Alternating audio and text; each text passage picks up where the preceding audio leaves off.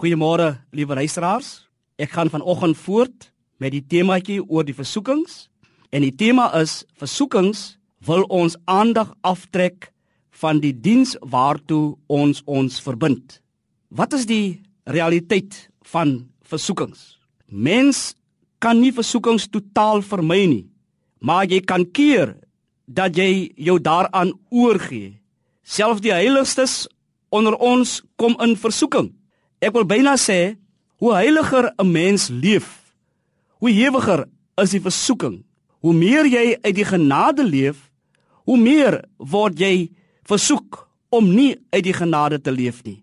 Professor Nico Koopman skryf weer in sy boekie Wie die onsse Vader bid, meld aan vir diens. Versoekings wil ons aandag aftrek van die diens waartoe ons ons verbind. Versoekings wil ons aandag aftrek van die heilige werk om te bid en te werk dat elke mens die menslike lewe sal ervaar van behoort aan die Vader en aan die Vader se kinders. Die menslike lewe waar ons 'n vaderlike, moederlike, ouerlike ervaar wat ons ons gebondenheid bebied.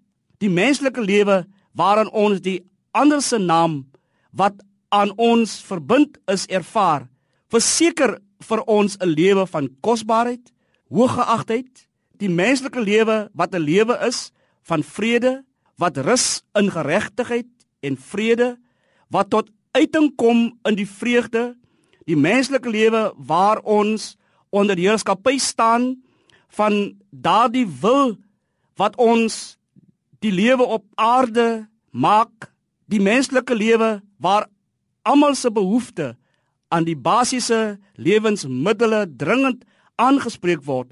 Die menslike lewe waar ons leef as vergifnis, die menslike lewe waar ons lewe as vergewendes, die menslike lewe waar ons nie meer slawe van die bose is nie.